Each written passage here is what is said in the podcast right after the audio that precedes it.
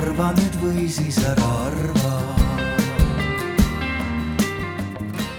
tere hommikust kõigile, kes on huvitatud äh, Aafrikast, soojast Aafrikast, päikselisest Aafrikast, nagu on ka edasitelgi värvid. Äh, astuge kõik ligi. Äh, meil on siin täna soojad ja, ja toredad ja värvilised Aafrika jutud kell on kümme, ilmast me täna ei räägi, see on nagu vihmahooaeg Aafrikas ja me oleme siin täna selleks, et, et natukene tuua lähemale tundmatut Aafrikat. kas keegi on Aafrikas käinud publikust? Egiptus on Aafrika loomulikult yeah.. Ähm, aitäh Edasile selle paneeli organiseerimise eest ja selle paneeli mootor oli oli ja on Raivo Vare, kes kahjuks täna meiega ei ole. me, me soovime talle väga head paranemist ja tema on selle kontseptsiooni kokku pannud aga meiega on väga lahedad äh, reisisellid Aafrikast. mina olen Karin, mina olen töötanud äh, neli aastat Aafrikas, Etioopias Euroopa Liidu äh, diplomaadina ja käinud äh, Aafrikas vist kaheteist, kolmeteistkümnes riigis koos abikaasa ja lastega, kes mul siin kuskil ka on siis on meil siin, äh, alustan enda vasakult käelt, Ken äh, Saan, kes toimetab Keenias on teinud seal iduettevõtlust ja, ja filme, räägib ise sellest pikemalt. siis on meil Tanel Sepp, kes on praegu Eesti asjur Etioopias Aafrika Liidu juures. Rohkem siis poliitikainimene, siis on meil Ilmar Raag keda vist kõik tunnevad, kes on reisinud palju Aafrikas, aga võib-olla rohkem tuntud läbi tema äh, missioonikogemuse Malis, millest ta loodetavasti meile räägib. ja ma näitan teile ühte kaarti. tõenäoliselt te kõik olete seda kuskil näinud. hoia Ken jah et siit on näha, et terve maailm tegelikult mahub Aafrika kontinendi, kontinendi sisse ära et üks väike osa Sudaanist näiteks on suurem kui Prantsusmaa ja, ja terve Hiina mahub Aafrika lõunatippu ära peaaegu, nii et see on tohutu suur kontinent, millest võib-olla tavaline eestlane väga palju ei tea see on kõige noorem kontinent üldse maailmas. Äh, tema majandusareng on äh, praegu äh, üks kõige kiiremaid maailmas ja kõige kiiremini arenevad majandused enne Covidi kriisi olid just Etioopia ja Rwanda, mis asuvad Aafrikas Eh, Aafrikas on eh, väga palju erinevaid eh, tahke, mida avastada, me püüame seda siin natukene teha neli erinevat rassi, tuhandeid erinevaid rahvusi, etiooplaste poolt, vabandust, etiooplaste, eurooplaste poolt tõmmatud piirid. Etiooplaste keeleruumid pluss kohalikud keeleruumid, aga selleni kohe jõuame. nii et tere tulemast kõigile si siia Paidesse, pane siia kuskile jah aga alustame niimoodi, et äh, kõigepealt igaühele üks tema spetsiifiline küsimus ja siis äh, vaatame, kuidas meie jutud edasi lähevad. Ken, ma alustan sinust minu vasakul käel, et sina oled Aafrikas teinud selliseid pööraseid asju. sa oled elanud Keenias. Äh, äkki räägid meile, mis on Aafrika suhtumise eripärad, mida sa seal Keenias üldsegi teed? ja mis on sinu meelest siis eestlasele nagu Aafrikas sellised head ja ohud ja räägi veidikene. no, äh, no alustame tagant otsast. jah, jah siis ta noh, et mis, mis mina olen avastanud, mis, miks, miks, miks mulle seal meeldib, no ma, ma seal mitu korda olen seda nagu mõelnud ja olen vaaginud onju, mis kõik, no seal on palju põnevat ja avastamist onju. seal on palju avastamist selles, et, et seal, seal juhtub tõesti palju juhtub. ja seal juhtub asju, mida sa ei oska planeerida ette, mis võib juhtuda nagu onju. see iga tänavanurk võib olla osutuda mingiks täiesti nagu lühifilmiks mingil määral onju, kus, kus sa vaatad ühes, ühes kaadris onju. aga mis on põhiline, mis mulle seal meeldib, et kui meie, meie, meie siin, meie ruumis siin on meie siis äh, siinpool, siin, siin otsas maakera. meil aeg läheb, onju, siis seal aeg tuleb peale, seal aega on. siis on iga kord, kui ma midagi üritan siin nüüd siis midagi ajada asju, ütlen Ken, why are, are you showing in rush? siis ma, siis ma üritan seletada nagu onju ja see, see on minu jaoks on kuidagimoodi, see loob nagu mõnusa selles mõnes mõttes nagu lülitab välja või kuidagi loob, loob, loob sinu jaoks ka uue niisuguse nagu tunnetuslikult sellise uue, ma ei tea, energia või mingi, midagi uut loob sinu jaoks, ütleme nii pean jätkama nüüd jah? Ei, ei, ei, lähme edasi, kohe saad jätkata äh,. Tanel, sina oled Eesti diplomaat Etioopias ja Aafrika Liidu juures, äh, mis asub Etioopias äh,. räägi meile veidi, mida sa seal teed ja mis Eesti huvid on Aafrikas ja, ja Etioopias äh,. majanduslikud huvid, poliitilised huvid ja mis sa teed? tere hommikust kõigile kõigepealt ähm, äh,. mina olen Etioopias jah, esimene äh, alaliselt paiknev Eesti diplomaat ja kuivõrd Eesti on praegu ÜRO Julgeolekunõukogus ja julgeolekunõukogus enamus teemasid on Aafrikaga seotud, siis minu ülesanne Etioopias ja Aafrika Liidu juures on koguda kokku informatsiooni, et paremini aru saada, mis tegelikult toimub. sest kuigi meil on olnud suhteid Aafrika riikidega juba aastaid ja aastaid siis tegelikkuses need suhted pole, pole olnud piisavalt intensiivsed, et me, me ei pruugi teada kõikidest nendest tagamaadest, probleemide päris sisust. et see ongi minu ülesanne kohale tuua seda informatsiooni, et me saaksime ka ÜRO Julgeolekunõukogus natukene adekvaatsemalt seisukohti kujundada ja, ja teemadega, teemadega kaasa rääkida. lisaks nagu iga, iga diplomaat peab olema ka, ka äridiplomaat kohati, et otsin alati võimalusi, et, et kus või mismoodi ma saan aidata Eesti ettevõtjaid. mis on need äh, võimalused üldse, eelkõige siis Etioopias, kuna ma olen seal ise kohapeal. aga, aga ka mujal riikides tegelikult, sest äh, Addis Ababas on, on Aafrika Liit, mis tähendab, et peaaegu kõik Aafrika riigid on seal kohal viiekümne neljast riigist viiskümmend kaks on täna, täna esindatud seal, et, et kui jälle tuleb mingisugune huvi Eesti poolt, siis on, on minul jälle võimalus võtta ühendust nende diplomaatidega ja, ja uurida, et kuidas me saaksime mingeid koostööprojekte teha. väga tore, räägi meile kindlasti natukene ka Etioopiast ja Ken räägib meile pärast ka Keeniast. Äh, aga Ilmar, äh, sina oled ilmselt käinud väga paljudes Aafrika riikides, aga minul tuleb kohe sinuga seoses meelde, no siis on vähem kui minul minul tuleb sinuga seoses kohe meelde Eesti sõjaline missioon Malis, mis on siis nüüd Lääne-Aafrikas hoopis teisel pool, kus äh, eelnevad poisid on, on olnud. Et räägi veidi, et mis see Eesti äh, huvi seal Malis üldsegi kohal olla on ja mida sina seal tegid?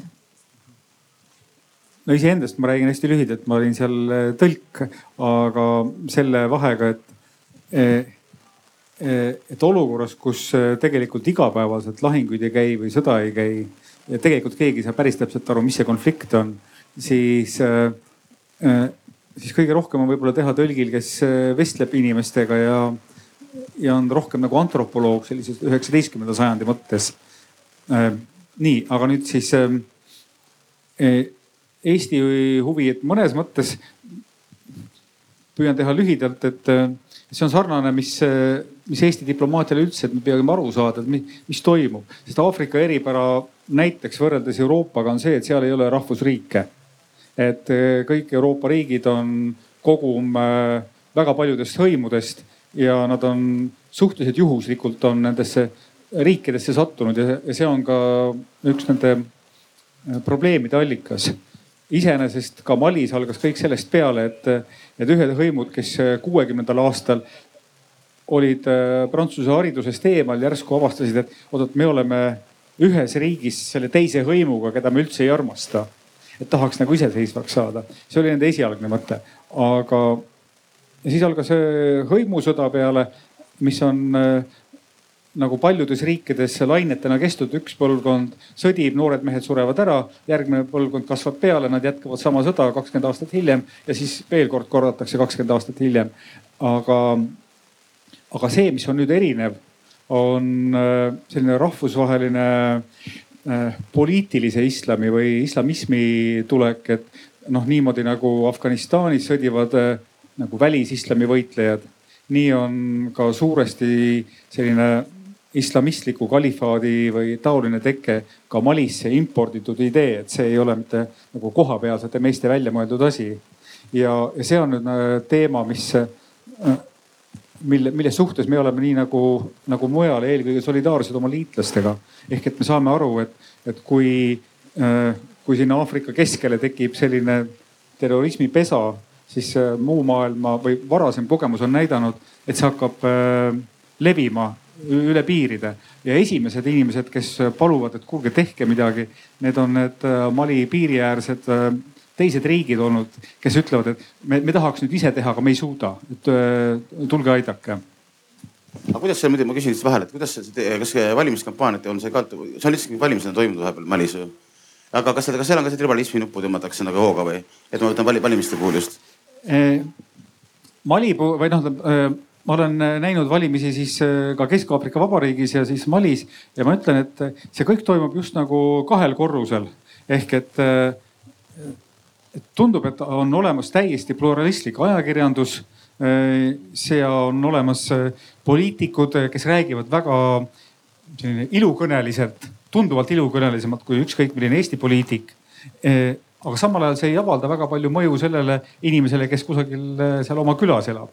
ja, ja seetõttu siis ma ütlen, et, et ka Malis tehakse eh, vingeid kampaaniaid ja toimuvad valimised. et ma ei ole lõpuni aru saanud, et kas ja kui palju need valimised ausad on. aga ma tean seda, et, eh, et kui ma siis lähen kuhugi provintsi külla ja küsin, kelle poolt teie olete, nemad küsivad, mis seal vahet on, et, et noh, keskvõim nagunii meile ei ulatu seal on jah veidraid asju, sest et ma, ma, ma, ma sattusin sinna ise ka nagu sinna appi nagu valimis, opositsiooni siis valimisstaapi nagu onju. no ma triibendasin puht, noh päris pikka aega, mõned kuud isegi lausa nagu onju ja, ja noh, natuke kaasas siis nagu öeldakse onju. ja seal oli päris vaata Meelis oli sealt seal mäletad kuskilt onju. ja seal on naljakas asi just, et see valimistega niimoodi oli, et noh, päris hull lugu onju et noh, seal oli valimised olid tulemas ja tehti nüüd nagu põhimõtteliselt on uued valimised, öeldi, et nüüd me võltsid enam ei saa ja täitsa de facto hommikul on niisugune nagu niisugune, mis hommikusaade meil on, onju. siis see valimiskomisjoni esimees või see, kes vastutab sellise valimisturvalisuse eest. aga seal on see, kuidas nimetatakse, kui sa näpu paned peale, tuvastab su ära nagu, mida võltsida ei saa nagu onju. ja siis öeldi, et, et ei, et meile valimisse sekkuda ei saa nagu onju.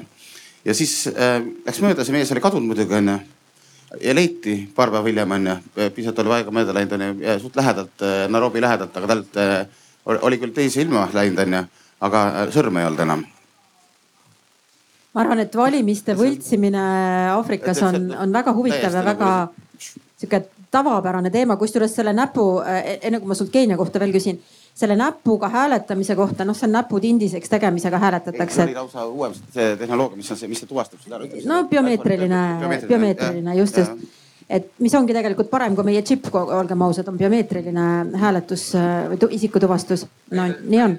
näide oli just, et ei ole parem. no tegelikult ta on turvalisem, aga noh, kui sõrme otsast ära lõigatakse, siis on äh, natuke teine teema. aga ma, ma mäletan. ma, ma korraks hüppan segane täitsa teemasse vahele.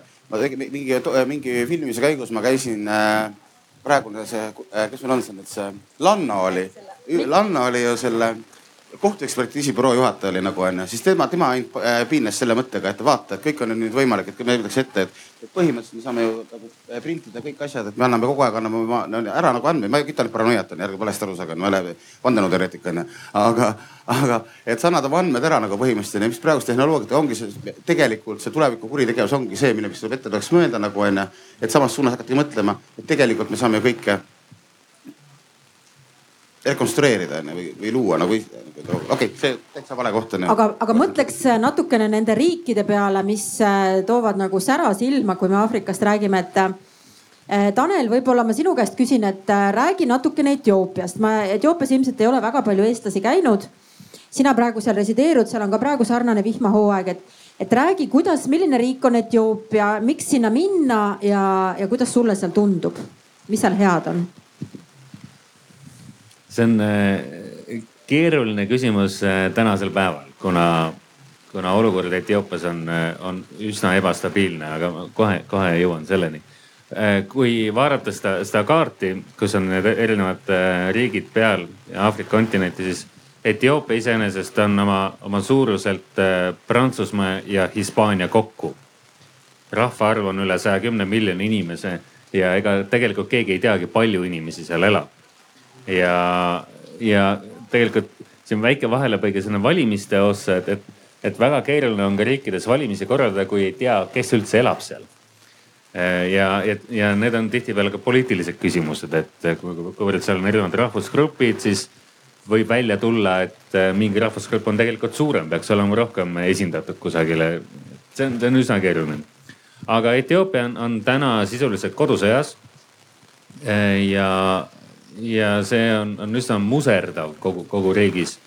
Äh, põhja, põhjas olev Tigray osariik äh, on keskvalitsusele juba pikka aega vastu hakanud ja, ja kodusõda praegu käib. lisaks on veel erinevad probleemid äh, nii Sudaaniga kui, kui ka Somaaliaga. Lõuna-Sudaan, mis on seal ka juures pluss äh, Etioopia on ehitamas Aafrika kõige suuremat äh, tammi, et hakata elektrit tootma. Eritrea. Eritrea jah ah,. Eritrea ka muidugi ja loomulikult. Eritreaga nad ju leppisid ära hiljuti. no, no see leppimine ei ole nüüd, nüüd nii suur veel. mina kohtusin nüüd eh, kuu aega tagasi päris palju inimestega Eritreast nägin, kes oli just äh, sealt ära nagu need ütleme ära, ära põgenenud siis just, et, et seal just väga-väga hästi hetkel ei tundu olevat. aga Etioopia osas mu kodu on hetkel siis Addis Abebas ähm,. ja tunnistan ausalt, et äh, ma ei ole elu sees veel äh, koledamas linnas elanud. Ähm, see on suured äh, kaoses ehitatud kõrghooned, mis on slummide vahel. seal on mingid kindlad magistraalid, mis läbivad linna, aga ülejäänud teed on kohati asfalteeritud, enamus mitte. Samas see eluolu on seal väga põnev sest Etioopia oma iidse kultuuriga, oma, oma köögiga pakub väga palju toredaid elamusi. ja kui minna Addis Abebast väljapoole, siis äh, see, see riik on looduslikult äh, äh, ülimalt kaunis. küll on mäed, küll on savannid, erinevad muud kohad, mis lihtsalt on hingematvalt ilusad. Ja, ja tegelikult see, see Addis Abeba koledus, no see, see on selline kompromissi hetk eh, seal Etioopias elades, et eh, sa harjud sellega lõpuks ära. Eh, ja, ja, ja õpid lõpuks ka nautima neid kohapealseid võlusid seal ähm,. ja ma olen sinuga täiesti nõus, olles ise neli aastat Etioopias elanud, et see Etioopia kultuur, mis kõik on väljaspool pealinna, see on lihtsalt imeline ja kui avaneb kellelgi võimalus reisida, siis äh, Põhja-Etioopia iidne keskaegne kultuur on äh, üks maailma vanimaid. ärge praegu reisige Põhja-Etioopiasse. praegu ei ole mõtet, aga varsti. aga Ilmar äh,, vali sina üks oma neljast riigist ja, ja räägi veidikene, mis on seal toredat ja head, et just sinna peaks reisima või uudistama minema või miks mitte missioonile või valimisi vaatlema minema ei, ma, missioonile minekut ei soovita ses suhtes muidugi kellelegi, et, eh, et see tähendab seda, et, et noh, paratamatult sa puutud kokku inimestega, kellel on suured probleemid ja kes võib-olla loodavad sinust kõike seda, mida sa ei suuda teha. see on eh, võib-olla kõikide Euroopa missiooniinimeste see peamine frustratsiooniallikas, et need probleemid on alati suuremad kui, kui see, mida sa suudad pakkuda aga nüüd siis äh, sealt edasi on, äh, ma hakkan nagu küünilisemast poolest peale. ma vaatan numbreid ja saan aru, et tõepoolest, et Aafrikas toimub igasugune kasv. rahvaarv teeb plahvatuse. Nigeerias saab kolmas miljardi inimesega elanikuga riik maailmas. Need ma arvan, et enamus Aafrika riikide rahvaarv on viimase kolmekümne aastaga, kes ka, mis on kahe, mis on kolmekordistunud ja mis tähendab äh, ju kõige muu kõrval, kõige halva kõrval seda, et need on tarbijad. Äh, ja, ja siis vaatad neid numbreid ja saad aru, et tõepoolest kusagil on suudetud sellele turu kasvule ka näppu peale panna, et et midagi see toimub ja siis hakkad küsima, et aga huvitav, mis see siis on, et kui mul oleks väga palju raha ja ma tahaks investeerida Aafrikasse, et, et kuhu ma peaksin seda tegema ähm, ma arvan, et valesti mõtlevad need, kes mõtlevad üheksateistkümnenda sajandi põhiselt, et need on maavarad.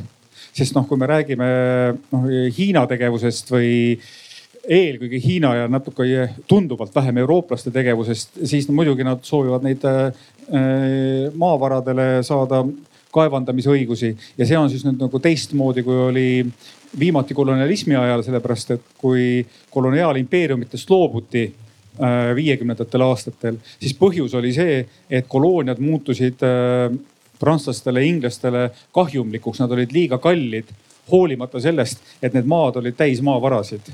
aga kui sul infrastruktuuri ei ole, e, sa ei, seal noh näiteks Kesk-Aafrika Vabariigis seal, kus asub nafta või seal, kus asuvad teemandikaevandused, nad on lähimast transpordisõlmest umbes eh, viiesaja, seitsmesaja kilomeetri kaugusel ja sinna ei lähe ei raudteed ega ühtegi korralikku maanteed.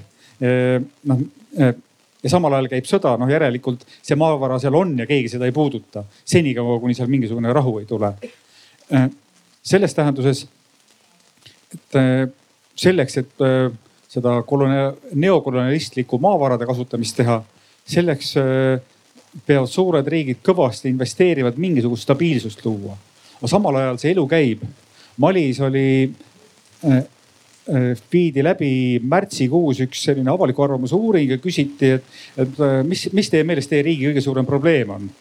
noh, teatavasti riik on viimased äh, kuus aastat meie silmis olnud sõjas ja ligi kuuskümmend protsenti inimesi vastas, et see on tööpuudus ja majanduse probleemid. ja seejärel nelikümmend protsenti vastas, et noh, see on julgeolekuolukord no see tähendab, et äh, inimesed on sõjaga nii ära harjunud, et noh, see et äh, sõda siis tähendab seda, et äh, sul potentsiaalselt on võimalik, et iga paari kuu järel toimub linnas mingisugune tulistamine grupeeringute vahel, aga seda ei peetagi enam nüüd nii oluliseks kui seda, et kui ma hommikul üles ärkan, ma ei tea, et kus ma, kus ma saan raha teenida või kus, kus ma süüa saan. ja siis nüüd pikk jutt läks nagu veel pikemaks, aga mõte siis on see, et, et mingil viisil on inimestel siiski prioriteedid, kuhu nad oma raha paigutavad. ma vaatan, et ilmselt esimesed firmad, kes on osanud õigel ajal kohale tulla, on erinevad telekomi firmad. Sellepärast, et äh, ka kõige vaesemas riigis, kus ma käisin Kesk-Aafrika Vabariigis, tegutses kolm äh, siis seda mobiilioperaatorit ja kui mina ütlesin kohalikele, et näed, mul on nagu ka üks telefoninumber, nemad vaatasid mulle otsa, sul on ainult üks, mis, mis mees sina oled, sul on ainult üks telefoninumber, et igal normaalsel inimesel on nagu mitu mitu neid, sellepärast et igale poole see levi ei, ei ulatu. ja siis ma hakkan edasi mõtlema, et ilmselt selle majanduskasvu ja nagu investeerimise võimaluse võti on siis see, et kui sa pead arvestama, et mis on äh, need valdkonnad kus ka kõige vaesemad inimesed äh, aeg-ajalt tahavad seda teenust või seda kaupa. mitte see, et sa tood sealt uraaniumi või naftat ära, mida seal muidugi ka on. Ma... Tanel, remark ja siis Keenia. ja äh, remargina see, et, et äh, me ei tea tegelikult, me ei, me ei adu ära siin Eestis olles, et mis on tegelikult see Aafrika vaesus. ja ja seda ongi raske aduda, kui, kui, kui sa ise ei koge seda või sa ei näe seda, et, et. et mul on õnnestunud käia osades äh, väikestes külades, täiesti maapiirkondades, kus ongi hütid. sul on, äh, hütil on kaks tuba, üks on loomadele, teine inimestele ja ainukene sissetulek, mis inimestel on, on äh, sellest ajast, kui on, kui on vihmaperiood, periood, siis nad saavad midagi kasvatada vahepeal matavad mingisuguseid tooteid sinna maa alla ja saavad hiljem hakata müüma. Ja see ongi kõik. Äh, kui ma mõtlen ka selle peale, et Etioopias on, on äh, miinimumpalk ametlikult on umbes viisteist eurot kuus. Ja tehasetöölised saavad võib-olla viiskümmend eurot kuus ja, ja jah, kohalikud tooted on üsna odavad seal, aga, aga siiski see see, see inimene, kes seal maal elab, temal ei, ei ole isegi seda raha. ehk siis see, see lõhe siin on, on tegelikult väga suur ja, ja kui me räägime mingitest investeeringutest või, või võimalustest majandust arendada, siis, siis see lõhe on ka nende vaeste ja selle eliidi vahele, kes, kes siis saab äri ajada. sest ega kõigile ei ole see lihtsalt kättesaadav see, see on küll nagu väga õige, et, et ma no jätame Lõuna-Aafrika Vabariigi kõrvale, kus me teame, et on nagu uhked linnad, aga siis võtame äh, Nigeeria Lagose, sa satud äh, Lagose kesklinna ja sa, sul on tunne, et sa oled ühes maailma city's et noh, seal on nagu äh, kõik nagu suvalises high-tech keskkonnas. see on sama, mis sama, mis Keenias on ju, mis, mis väga naljakas asi mul oli. mis kõrghoonetega seoses, ma lihtsalt hüppan täitsa, täitsa teemaga sisse et mõtlesin, et, et, et, et noh, see on hästi palju hinnaraha tuleb peale nagu on just, et me rääkisime ka ja just läheb sinna mm, arendusse, infraarendusse läheb on ju, et kogu aeg ehitatakse nagu tulevad, tulevad peale, just, just Hiina teed on, isegi Jaapan on seal mingi hetk sees olnud on ju. aga see kõrghoonetega seoses, mis ma hüppan täitsa teemaga, et kõik kõrghoonete otsad on millegipärast Keenias äh, tühjad ja need pool muidu antakse ära nagu, et me mõtleme, et oi kui lahe, et ilus kõrghoone pilvelõhku on, pilvelõhku on ehitatud, see tore, üleval on väga tore nagu kontor nagu onju. aga keegi ei võta sinna kontorit, ma ei tea, miks et, et alumised korrused on välja müüdud onju ja üleval siis kirjas need pilvelõhku otsad on, need on tühjad. Ken, Ken, kuule, aga äh, sina teed, ma saan aru, Keenias kitseäri. et räägi meile, miks minna Keeniasse, mida seal on head ja toredat ja mida su kitseäri endast kujutab? no Keenias on palju toredat on onju, vaata Keenia on nii suur juba onju, et seda, kuidas sa, kuidas sa hakkad tulema nagu onju, et noh, seal on, seal on Mombasa ja seal on ka siis äh, Nairobi on ju see pool nagu onju, noh need põhikeskused siis mööda onju. Mombasa on siin nagu sadamalinn onju, kus on niisugune nagu mõnus niisugune nagu ütleme tumeda fooniga, palju äh, kahtlaseid itaallasi äh,. noh, võib aimata ainult, mis, mis seal toimub ja ukrainlasi nagu onju, et no kõik see, kõik see, ta on mõnes mõttes see keskus seal nagu onju, see, kus, kus, kus käib see nii-öelda see poolhämar tegevus siis nagu onju aga Nairobi ja no mina ja Nairobi on siis rohkem niisugune nagu pangandus, nii-öelda finants, finantsmaailm ja nihuke korrektsem, noh, võib-olla mõnes mõttes niisugune igavam, aga samas jälle selline nagu isegi kusjuures turvalisem ei olegi, aga, aga kuidagi nihuke kuivem, ütleme siis onju. seal on siis inglased ja sakslased tegutsevad põhimõtteliselt, kuidagi need ära jagatud omavahel nagu need. ja no igal pool muidugi on, on seda Hiina raha nüüd sees on seal onju ja siis on ka Hiina, mind peetakse kogu aeg hiinlaseks seal muidugi onju nagu onju. mis, mis, mis ma ei tea. okei okay,, see selleks aga mina, mina, mina sattusin, ma räägin ära, et, et, et, see oli mingi nagu, et ma lihtsalt nagu, et miks ma sellist asja teen, mis ma teen seal onju. ma sattusin kunagi kaks tuhat seitseteist, ma tegin, aitasin teha selle valimisi, opositsiooni valimisi onju ja noh, me teame, kuidas, kuidas kaks tuhat seitse oli see täitsa nagu kodusõda lävel oli see riik oli onju. nüüd on kuidagi stabiliseerunud onju, noh selle tagajärjel on ja siin minu arust on seal isegi nagu see pidi aru andma minema, kas mitte mõned poliitikud, et seal oli just tõesti tribalismi kasutamine nagu äh, õela valimiskaardina nagu ära, mis viis lõpuks nagu vägivallalaineni onju aga see selleks on ju, see on kõik muutunud onju ja valimised on alles kahe aasta pärast jälle onju aga ma sattusin valimiste käigus, sattusin äh, ühe poliitikuga, mõtlesime, et on vaja, kuna valimised on seal väga, seal riik on suur ja valimised väga-väga kallid.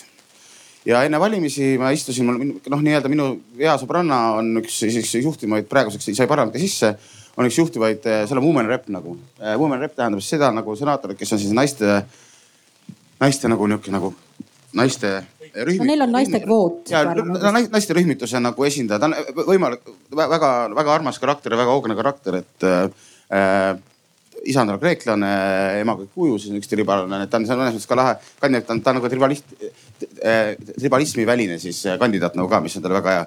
ja ta plaanis üksikkandidaadiga minna, aga ma sattusin temaga koos liikuma. ja siis me, kui me hetkel seda, siis mõtlesime, et mis me siis teeme nüüd on ja istusime maha seal äh, äh, ühes, ühes kohvikus ja mõtlesime, et kuule, aga mul on selline asi, et tal on suhted kuskil Saudiga, et Ken, mine, mine vaata sinna, et mis, mis seal toimub, kitseturul toimub, onju. siis ma sõitsin sinna nagu mingi üheks päevaks läksin, et seal on ja avastasin, et seal on täiesti nagu meeleheide on nagu onju, see oli see halb aasta oli ka, kaks tuhat seitseteist, kus oli kuiv, kuiv aasta oli. Ja vaatasin, et miks, et need inimesed tulevad kokku, need, need turud toimuvad nagu tegelikult nagu korra äh,, kaks korda nädalas onju ja tasuda, inimesed tulevad, noh, meie mõistes nagu hakkavad Tallinnasse hakkavad tulema, et tulla siia turule nagu praegu siia tulla nagu onju. ja siis minnakse laiali nagu onju. ja seal on väga palju küünilist niisugust äri oli seal sees kirjutatud nagu, et seal on siis on need vahendajad, kes näevad ära, et okei okay,, nad tagasi ei jõua ja siis nendele sisust tehakse siis nagu liiga siis nagu onju. ja ma, see läks mingi aeg mööda, mõtlesin, aga miks sa, miks sa võiks nad kõik kasutada nutitelefone, et miks, miks see võiks nagu seda asja nagu elu lihtsamaks teha, kui on võimalik ka geolokatsioon ja on võimalik, nad ei pea kuskile tulema enam. ja ma tean väga hästi, kui Boltil läheb seal väga hästi nagu põhimõtteliselt ka noh, nüüd see on hiljem oli küll need onju. Et on võimalik ju tegelikult positsioneerida ära ka Savannis on ju, kus aadressi pole nagu onju. ja sealt me hakkasime seda natuke arendama ja nüüd me panime selle püsti. no hetkel me oleme küll esimesel lainel nagu oleme selles mõttes nagu, et me vahendame nagu butchereid, aga me, aga me me see, me püüe. mis see oli sul, kits kakskümmend neli või? kits kakskümmend neli jah. nii lahe. ei tea noh Muusi kakskümmend neli. aga räägi, mis see Kits kakskümmend neli teeb? Kits kakskümmend neli teeb selliseid asju, et äh, sa oled äh,, sa saad osta sealt endale kitse sa saad müüa sealt ka kitsega seotud tooted nagu onju. ja üllataval, üllataval hoidsin hinge kinni nüüd onju. et ma mõtlesin, et, et just, et seda rääkida, et no see turg on nii suur, nagu sa tead onju. ja mis, mis see mõte, teine mõte mul oli nagu onju selle juures, et, et tegelikult see, nagu me Aafrikas teame, onju, ega keegi seal pankas väga ei usalda, onju nagu onju. see on vanast ajast onju ja selles on meil Pesa, mis on täitsa pangaväline süsteem, mis on väga tore asi onju. minu arust väga üle uhked, ma ei tea, kas terve Aafrika on onju. mis telefon maksab prepaid kaardiga, sa maksad telefoniga onju ja see on kõigil olemas onju, selle elu käibki sellega, sa maksad baaris sellega ükskõik kus kohas nagu onju, no apteegis, baaris, whatever onju. M-Pesa. M-Pesa on selle nimi ja see on päris äh, innovatiivne asi ja see on ka telekomi poolt arendatud asi, mis, mis on minu arust Safarikomi arendatud on, mis on siis äh, äh, suurem. mitmel pool Aafrikas kohtub nagu sama süsteem. see on tegelikult päris, nutikas, ja väga tulene ka onju. ja, mis, kuhu, pagana, kuhu ma jäin nüüd, nii. kitse, kitsevärk. okei et ja siis äh, me lükkasime selle nagu kuidagi liikuma ja nagu hirmuga mõtlesime, mis siis juhtuma hakkab nagu onju. ja üllatus-üllatus eile oli meil seitseteist tellimust, seitseteist kitse, täna on vist ka juba kitsetellimused tulnud peale nagu kaks aastat oleme teinud onju ja me panime kuidagi noh, mingis esma, esmapersoonis liikuma, meil veel äppe valmis pole, meil on veebipõhised praegu need äpid. Ken, sa oled kitse startup'er. ma olen kitse startup'er ja selle, sellega selles suhtes oligi just eelmine nädal, et me, me rääkisime ühe startup'eri, kes teeb noh niisugust, ütleme, kuidas öelda sellist nagu tõsist asja onju.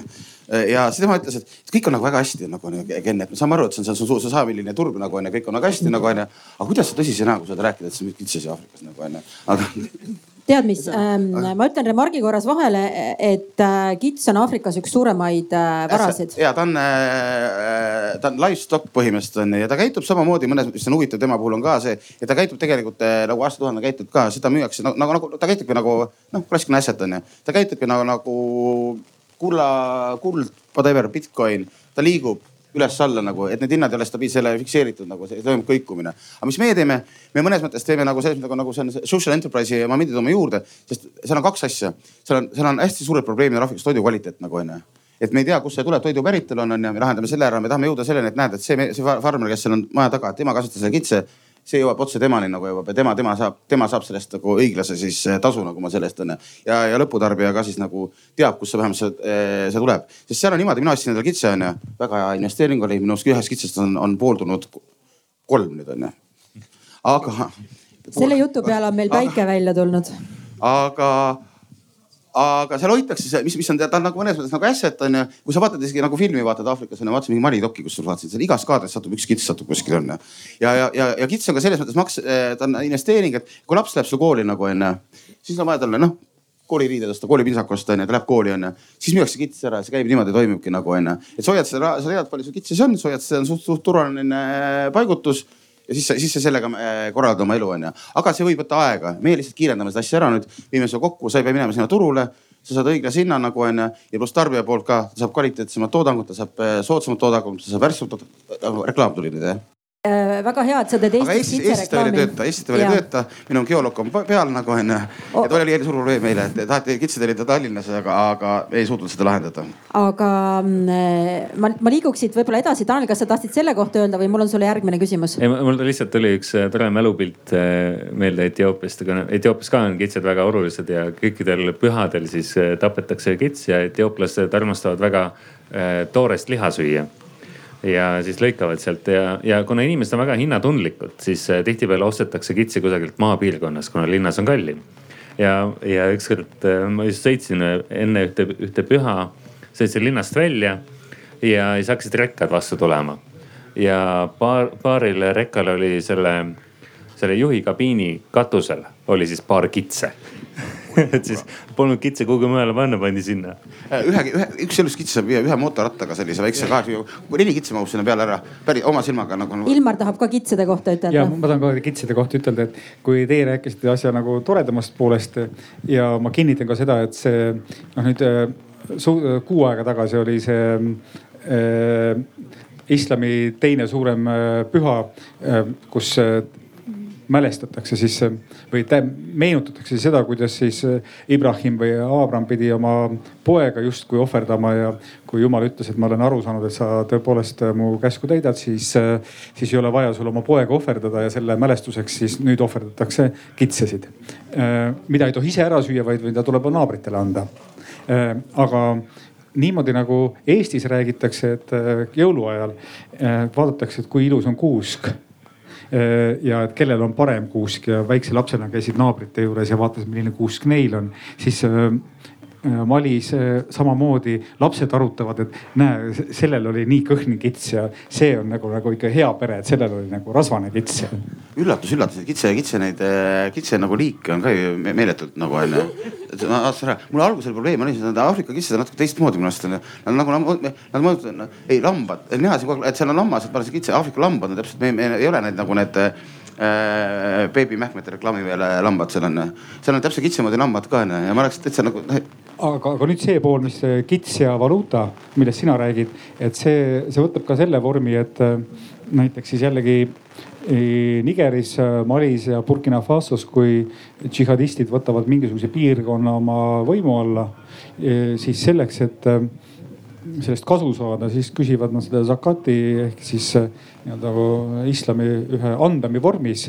aga kuna kohalikel elanikel raha enamasti ei ole, siis võetakse seda kariloomadena. et kariloom on siis kui selline üldine väärtuse ekvivalent, mida võib müüa ja ma tahaks, ma tahaks natukene siit siirduda, enne kui me nagu läheme selliste turismi ja helgete teemade juurde, ma tahaksin küsida ühe veidi kitsa raskema asja kohta. Äh, kitsam, noh majandusplokk sai nüüd kitsedega läbi. Et ähm, nagu me teame äh, väga suur osa Euroopa migratsioonist tegelikult äh, pärineb Lähis-Idast ja, ja Aafrikast. ja suur migratsioonilaine Euroopa suunal toimus kahe tuhande viieteistkümnendal ja kahe tuhande kuueteistkümnendal aastal Äh, kui mina just Aafrikas resideerusin ja mm, ma, ma tegelikult suunan selle küsimuse kõigepealt Tanelile, kes, kes praegu seal on ja kes on ka äh, noh, diplomaadina seda asja suhteliselt lähedalt näinud, et kuidas see nagu sealtpoolt paistab. ma ütlen ennem ära, et tol ajal, kui mina seal olin, paistis see isegi Aafrikast veidi kummaline. minu Aafrika kolleegid küsisid minu käest, et mis te seal Euroopas mõtlete, miks teie Saksa kantsler ütleb, et tulge, tulge, no see ei ole mõistlik käitumine. et kuidas sulle nagu Tanel tundub, et äh, kas äh, migra-, kas nagu inimeste heaolu tagamiseks Aafrikas tuleks neil elamistingimusi, töötingimusi parandada nende kodus, nende enda riikidel ennekõike, nende enda valitsustel. mis on Euroopa roll selles ja kuidas sulle paistab? ma alustaksin sellest, et, et meie siit siin Eestis vaatame ainult seda migratsiooni, mis äh, tuleb Euroopasse. tegelikkuses, äh, kuivõrd Aafrika kontinendil on neid konflikte niivõrd palju, siis äh, Aafrika sisene migratsioon erinevate riikide vahel on kordades suurem. ja, ja kasvõi nüüd Põhja-Etioopias Tigray kodusõja raames kolmkümmend, nelikümmend tuhat inimest järsku Sudaanis see on lihtsalt üks, üks näide sadadest. et need, need äh, sisemigrante Aafrikas on, on, on miljonites täiesti. eks see on üks pool.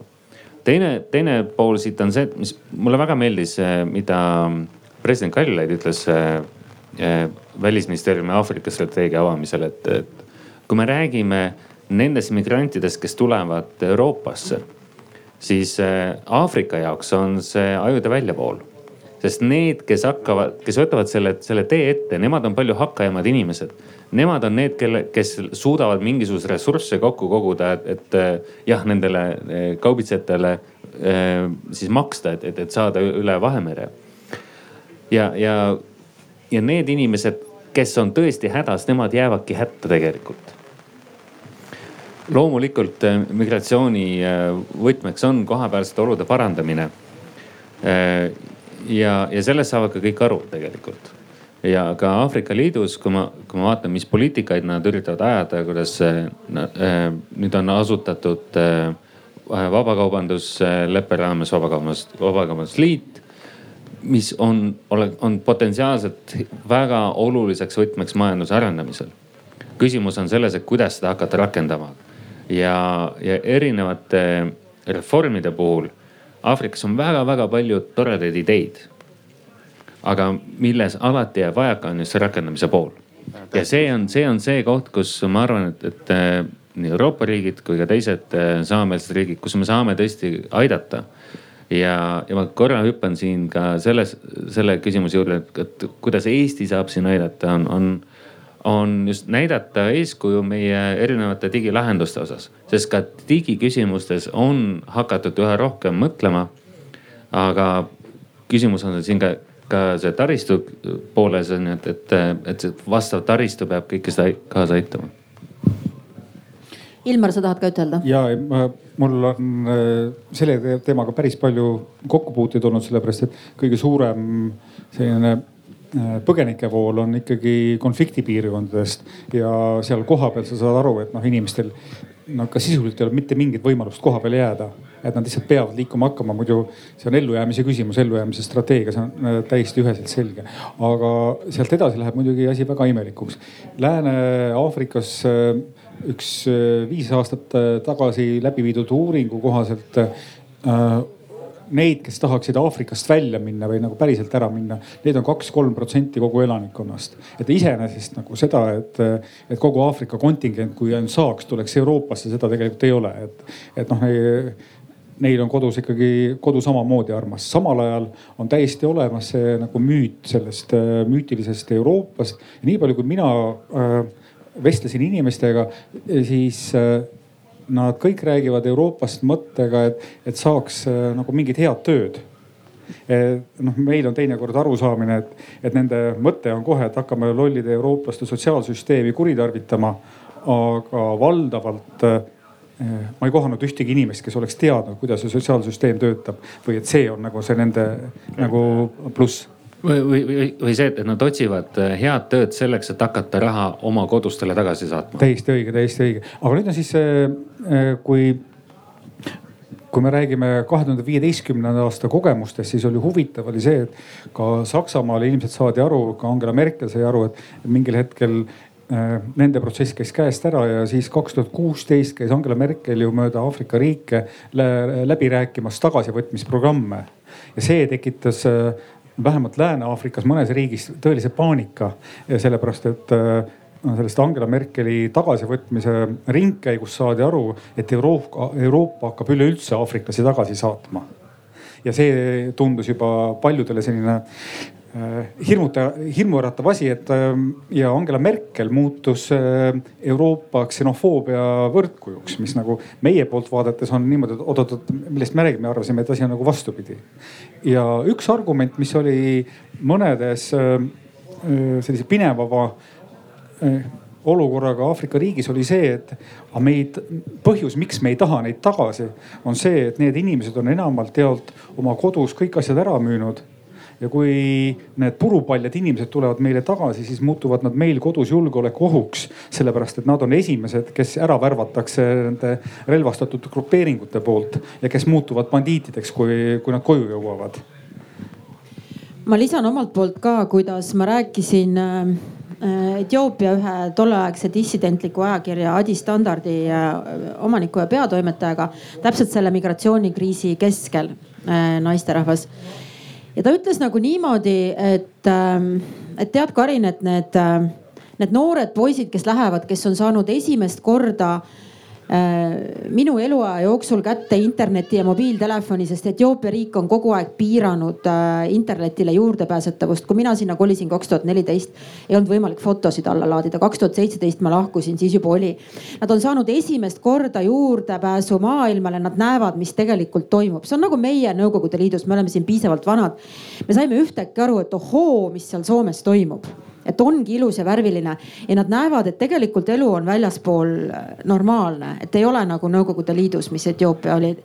E, et sind nagu vahistatakse ja tapetakse ja nad tahavad endale täiesti inimlikult nagu paremat elu, nad on nõus äh, maha müüma olematuid asju, hankima endale viis tuhat dollarit kõikide sõprade ja sugulaste arvelt selleks, et võtta läbi ette teekond läbi Sudaani, Liibüa, Sahara kõrbe Äh, kuskile Liibüa põhjarannikule, et võib-olla ta siis saab paadi peale. mina ütlen, noh, et aga mi, mi, mis ta siis nagu läheb, miks ta läheb, et noh, siin on ju tegelikult okei okay elada.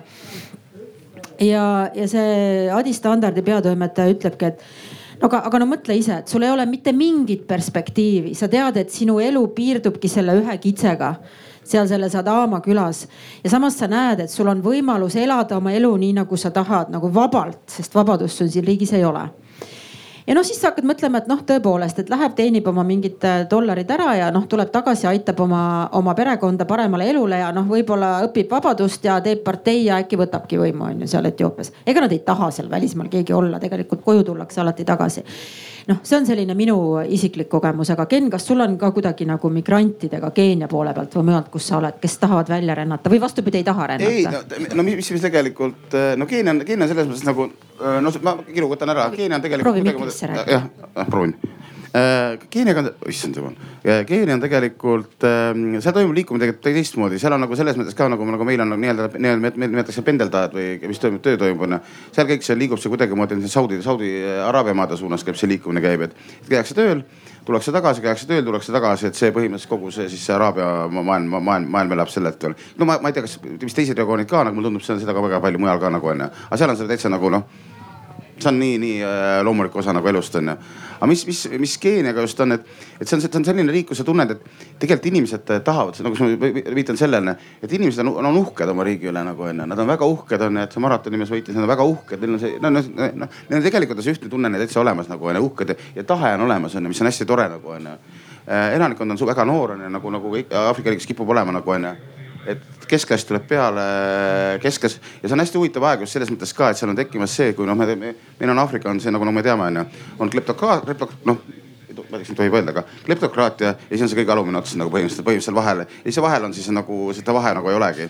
siis praegu on tekkinud väga tugev keskklass ja see on just, just peale tekkimas, just samad võimalused, internetti ligi pääs, inimesed on ise ettevõtlikud äh, nuputavad, nutikad on, onju. et ta on huvitav koht, onju. et seal juhtub seda kõike nii kiiresti, onju.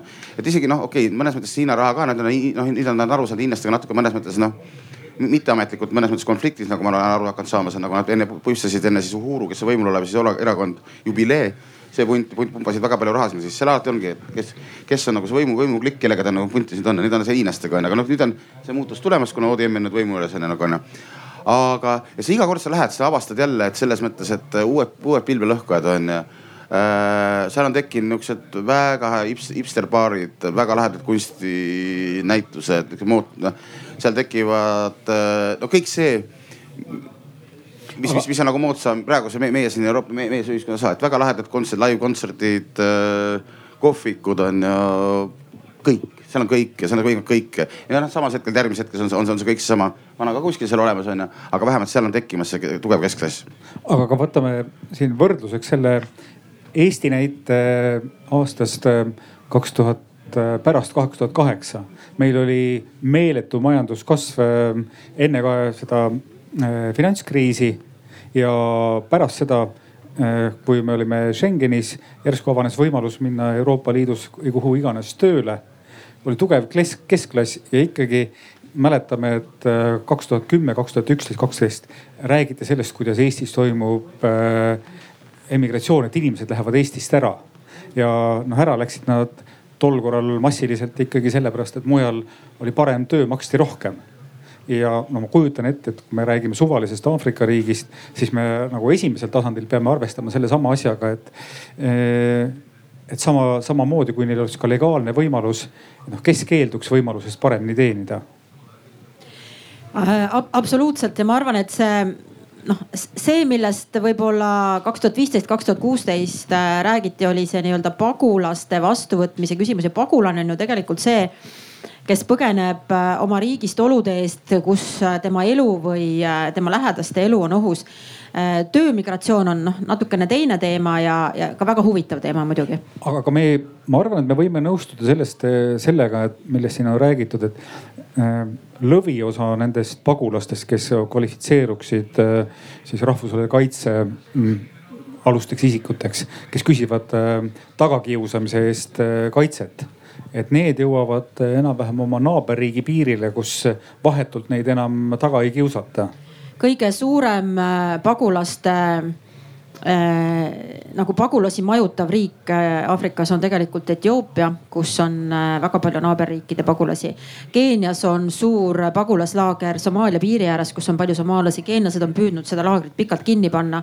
ÜRO loomulikult ei taha seda lubada aga ma küsiksin veel Tanelilt. Tanel, sina natuke veel poliitikat, enne kui me turismi juurde läheme, mis on ka huvitav Tanel, sina ju töötad Aafrika Liidu juures, et äh, äkki sa valgustad meie poliitikahuvilisematele kuulajatele, et mis see Aafrika Liit on, et kas see on nagu Euroopa Liit, et kas ta toob äh, Aafrika riikide inimestele samasugust kasu nagu noh, näiteks eestlasele tõi Euroopa Liitu astumine ja, ja mis seal toimub? Aafrika Liit on äh, nagu wannabe Euroopa Liit, et nad vaatavad Euroopa Liidu poole nad eh, näevad, mida Euroopa Liit on saavutanud ja nad üritavad eh, kuhugi sinna suunda minna. aga nad on oma arengutes päris korralikult maas. ja kuigi neil on ambitsioon olla nagu Euroopa Liit, siis siin on üks väga-väga suur ja oluline vahe sees. Aafrika Liit on puhtalt liikmesriikide vaheline liit. ja ja siin on pidevalt olnud äh, arutelud Aafrika Liidu sees. et kas, kas nüüd anda mingisuguseid volitusi üle nagu äh, Euroopa Liidus Euroopa Komisjon, komisjonil on mingid pädevused näiteks, siis see Aafrikas on väga selge piir tõmmatud. ei, me oleme riikide liit ja mingisuguseid pädevusi üle anda kesksele organisatsioonile on, on täiesti vastuvõetamatu praegu et kas tavainimesel on sellest üldse midagi teada või kasu? tavainimene, ma arvan, ei tea Aafrika Liidus mitte midagi. Äh, sest jah, sul on väga-väga õige viide siin, et, et, et keegi pole, pole otsest kasu sellest saanud. Äh, ma loodan, ma südamest loodan tõesti, et, et, et see initsiatiiv nüüd vabakaubanduslepingu osas näiteks, et see hakkab lõpuks Aafrikas. räägi, mis see on, see on väga huvitav areng. Äh, vabakaubandusleping on nüüd lepe, mis jõustus äh, aasta algusest ja, ja mis teoreetiliselt peaks hakkama arendama Aafrika sisest, Aafrika riikide vahelist kaubavahetust. ja, ja see on see, kus, kus, kus praegu on olnud väga suuri probleeme, küll on piiriületused, tolliprotseduurid, äh, mis iganes probleemid seal olnud et äh, üha rohkem on hakatud selle peale mõtlema, on hakatud piiripunkte Äh, ümber ehitama, äh, protseduure lihtsustama, et ei oleks sul nädalasi äh, rekkajärjekordi näiteks. ja see nädalase rekkajärjekord on väga-väga tüüpiline, mis Aafrikas on, kui on just riikidevaheline kaubandus. kui selle saaks kuidagi käima, siis sellega me saame, saab kohalik tööstus paremini areneda ja, ja anda inimestele rohkem tööd ja selle kaudu peaks lõpuks tulema siis see, see reaalsem kasu Aafrika enda inimestele. Ma toon näite Aafrika äh, Liidust ja konflikti lahendamisest, et iseenesest äh, vähemalt üheksakümnendate aastate keskpaigast eriti pärast seda, kui Prantsusmaal Lionel Jospin ütles, et ma toon kõik oma baasid äh, Aafrikast ära, siis selline üldine Euroopa hoiak Aafrika kriiside suhtes oli, et Africa first, et Aafrika Liit ise vaatab, kuidas oma kriise lahendab. kaks tuhat kolmteist, kui džihadistid vallutasid äh, kogu Põhja-Mali ära ja liikusid pealinna Bamako poole, siis äh, Bamakos asuv äh, Mali juhtkond pöördus oma naaberriikide poole, et, aidake, pöörduti Aafrika Liidu poole, et Aafrika Liidul on ka oma sõjaline koostöö olemas, et äh, aidake nüüd, muidu see meie seaduslik äh, teie poolt tunnustatud valitsus kohe kukub. Äh, ja vastus, mis tuli siis Aafrika Liidult ja naaberriikidelt oli see, et, et noh, aitaks küll, aga A, meil ei ole raha. Ja kui me nüüd raha saame, siis nagu sellise väe püstiajamiseks, millega me saaksime teile appi tulla, no läheb vähemalt aasta aega ja, ja seejärel siis Aafrika Liit tegelikult või Aafrika Liidu loal siis pöörduti juba Euroopa poole, konkreetsemalt Prantsusmaa poole, kellel oli võimalik kiiresti tulla logistiliselt. konfliktide lahendamisel Aafrika Liit üritab tõesti olla aktiivsem ja African solutions to African problems on, on üks põhisloganeid või motosid, mis, mida kogu aeg kedratakse. Aga samas, kui me vaatame kus kohas Aafrika Liit äh, midagi teeb sõjaliselt äh, või poliitiliselt, siis, äh, siis noh, kõige, kõige suurem koht on Somaalia, Amison missioon. kuhu läheb nüüd eestlasest Euroopa Liidu suursaadik Tiina Intelmann? ja, aga, aga reaalsus jälle on see, et, et Aafrikal endal ei ole ressursse ja Aafrika Liidu rahu ja julgeoleku kuludest Euroopa Liit katab üheksakümmend seitse protsenti umbes ehk siis eh, ka meil Euroopa riikidel on üsna suur eh, sõna sekka öelda. Eh, ma küll ei julge tunnistada, et seda sõna alati kuulatakse, aga, aga noh, me üritame alati ka Aafrika Liiduga selles, selles, selliselt rääkida, et, et kuulge, kogu raha sisuliselt tuleb meilt. Et arutame neid asju ja, ja, ja ka selles osas ma näen tegelikult, et on positiivseid arenguid, et nad on valmis rohkem rääkima Äh, Ken, kas sa näed, et äh, kogu selle suure poliitika taustal, et äh, mis võiks olla selline win-win olukord, et mõlemad pooled võidavad nii Aafrika pool kui, kui Euroopa pool tavainimese vaatepunktist? kuidas sulle tundub? Kohaliku Aafrika elaniku vaatepunktist? jah, et nagu me siin räägime probleemidest ja natuke patroniseerime, et noh, me nagu abistame ja aitame ja kuidas võiks olla ja aga räägi nagu rohujuure tasandilt, et mis see win-win võiks olla aafriklase jaoks Euroopas, noh Euroopas või, või siis eurooplase jaoks Aafrikas? Aafrika on väga lai mõiste on ju nagu. Aga, aga ma arvan, et mõnes mõttes isegi, et, et see sekkumine nagu, no sõltub riigist muidugi onju, noh Somaalia muidugi on Somaalia onju nagu onju. Tansaania, Tansaania, et tegelikult noh, me taandume, et kui me sekkume sinna mõnes mõttes nagu, ma ei tea, see on niisugune nagu võib-olla liiga noh, no vist äh, mõttekäigunist onju. et ma, ma pigem äh, julgen öelda niimoodi nagu, et, seda, sedasama, kui seda suunatakse seda nagu tuge onju sinna, siis tavaelanikul jääb ikka mulje on selles, ta on, ta on lihtsalt see kultuuriline maastik, mis on nii sisse, sisse sinna töötanud on. ma proovin nagu kaugemalt tulla, proovin võtta kuidagi onju.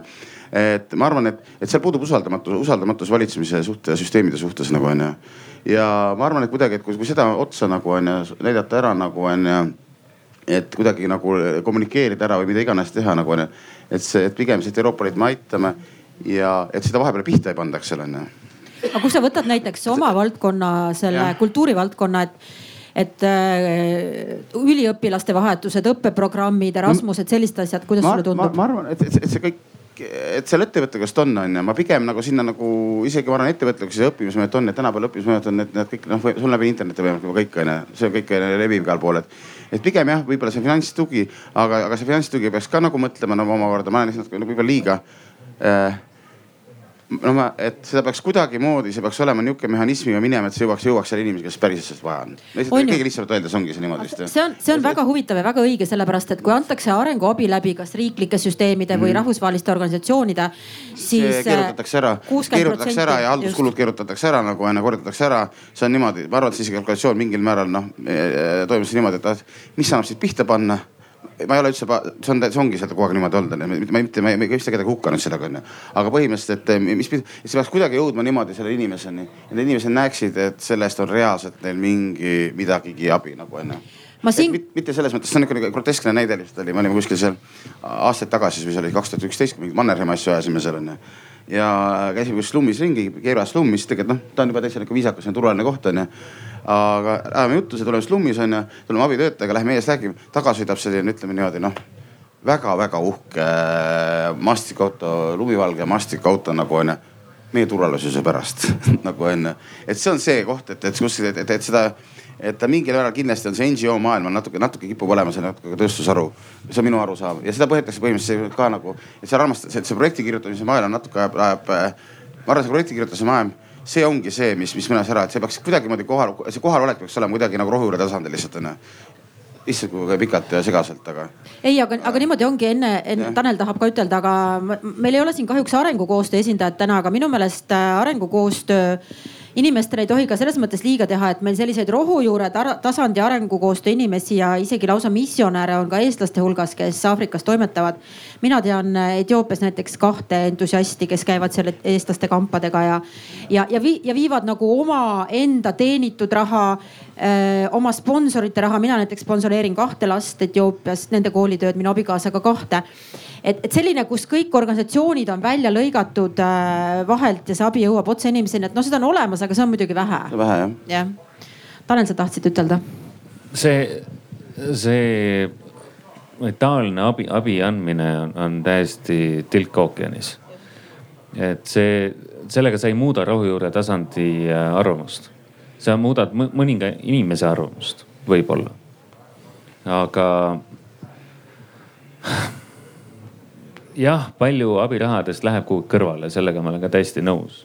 aga häda on siin selles, et, et need, kes neid rahasid koha peal eh, käitlevad, no nemad on kusagil ametikohal, muutub valitsus, muutub ka nende ametikoht ehk siis nad kasutavad ära neid võimalusi senikaua, kui nad on kusagil ametis, et, et kusagilt jälle mingit raha kõrvale panna. Eh, ma arvan, et see, see, mida Aafrika riigid ja ma olen rohujuure tasandil natukene kõrgemale praegu, mida Aafrika riigid ise ootavad Euroopast, on see, et neid koheldaks kui riike, kui võrdseid. jah, me, nad, me anname endiselt miljardites kokku, anname igasugu abi ja, ja ka eelarvetoetuseid. aga nad ootavad vähemalt seda, et, et me võtaksime neid, neid tõsiselt laua taga. Ja võib-olla ja Euroopa on hakanud ka selles osas äh, liikuma. et, et äh, kui vaadata, kuidas Euroopa Komisjon on käitunud, et, et mismoodi võeti kohe Aafrika küsimused esimesena ette, kus mindi, mindi ka Adisesse suure koosseisuga, et räägime nüüd. me oleme siin, me oleme valmis kuulama, paneme paika ühised strateegiad.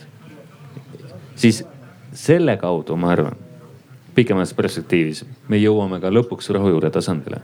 Sest see sõnum et kellega me nüüd koostööd teeme, peab tulema sealt valitsuse poolt ja valitsuse poolt ka peab seda ka kommunikeerima inimesteni. Ilmar.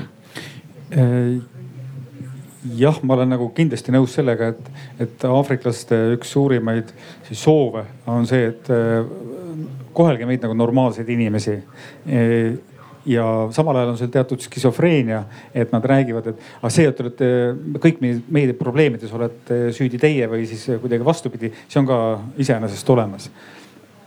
tulevikku vaadates on, on nagu oluline selline hoiakuline arusaamine, et, et sellist võitu või ühel hetkel rikkusele jõudmist ei toimi, et me räägime teatud tasakaalu säilitamisest, et nagu see kaos ei muutuks valdavaks.